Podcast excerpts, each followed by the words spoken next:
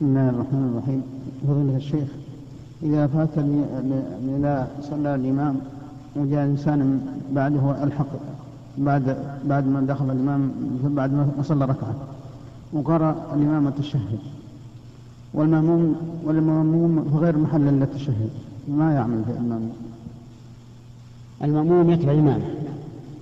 المأموم يتبع إمامه فيجلس معه للتشهد وإن كان في غير محل التشهد للمأموم ويقرأ التشهد كله حتى يسلم إمامه حتى يسلم إمامه ثم يقوم فيكمل لكن قرأ التشهد في غير محله صار في غير محله. أي هو في غير محله بالنسبة لصلاة المأموم.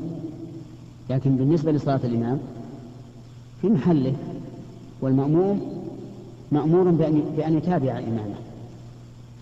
نعم.